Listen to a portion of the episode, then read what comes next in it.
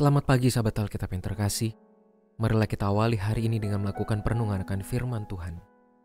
Bacaan Alkitab kita pada hari ini berasal dari kitab Yeremia pasalnya ke-31 ayat 1 sampai 6.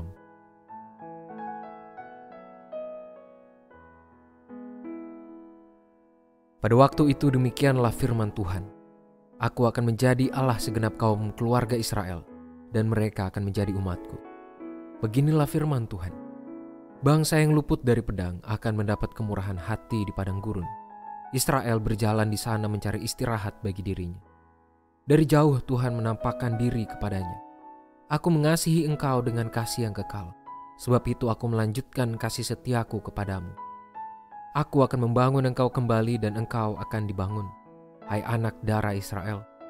Engkau akan menghiasi dirimu kembali dengan rebana dan akan tampil dalam tari-tarian orang yang bersukaria. Engkau akan menamai kembali kebun-kebun anggur di gunung-gunung Samaria. Para penanam akan menamainya dan menikmati hasilnya. Sungguh, akan datang harinya bahwa para penjaga berseru di gunung Efraim. Marilah kita naik ke Sion kepada Tuhan Allah kita Pembuangan bangsa Israel ke Babel menjadi bentuk hukuman Allah atas ketidaksetiaan umatnya. Beragam peringatan Allah termasuk yang disampaikan oleh Nabi Yeremia diabaikan oleh umat Israel. Namun pada perikop ini sang nabi menyerukan bahwa hukuman akan segera berakhir. Nabi Yeremia dengan menggunakan formula perjanjian, "Aku akan menjadi Allah segenap kaum Israel dan mereka akan menjadi umatku." Nabi Yeremia sedang menggaungkan kembali kasih setia Allah kepada Israel. Seperti Allah telah menuntun Israel keluar dari perbudakan di Mesir, maka ia juga yang akan membebaskan dan memulihkan kembali umat pilihannya yang telah tercerai berai tersebut. Allah akan membangun ulang Israel dan mengembalikan sukacita bagi mereka dengan kasihnya yang kekal. Sekalipun bangsa Israel sempat berpaling dari Allah, namun kasihnya tidak berubah yang menjamin masa depan yang cerah dan penuh sejahtera. Sahabat Alkitab, perikop bacaan pada hari ini bukan hanya mengisahkan betapa dalam kasih Allah atas umatnya, tetapi juga mendemonstrasikan hasrat cinta Allah yang besar terhadap manusia.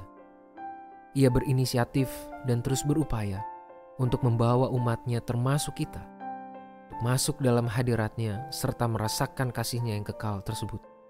Oleh sebab itu, jika saat ini kita sedang dirundung beragam penyesalan, maka datanglah segera kepada Allah, sebab tangannya telah terbuka menyambut kita.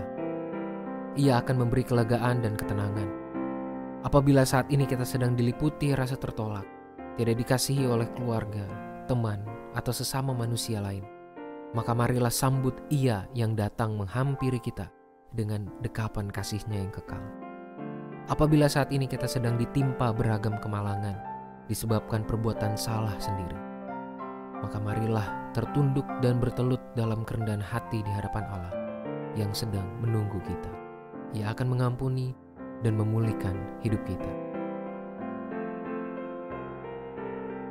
Marilah kita berdoa. Allah Sang Kasih, kami bersyukur kami telah Engkau pilih menjadi umatmu yang sangat Kau kasihi. Kiranya penyertaan dan pernyataan bahwa Engkau mengasihi kami dengan kasih yang kekal terus bergema di hati dan pikiran kami, sehingga kami mau terus berjalan mendekat kepadamu ketika Engkau memanggil kami. Kami mau merespons panggilan pertobatan darimu ketika engkau telah berseru.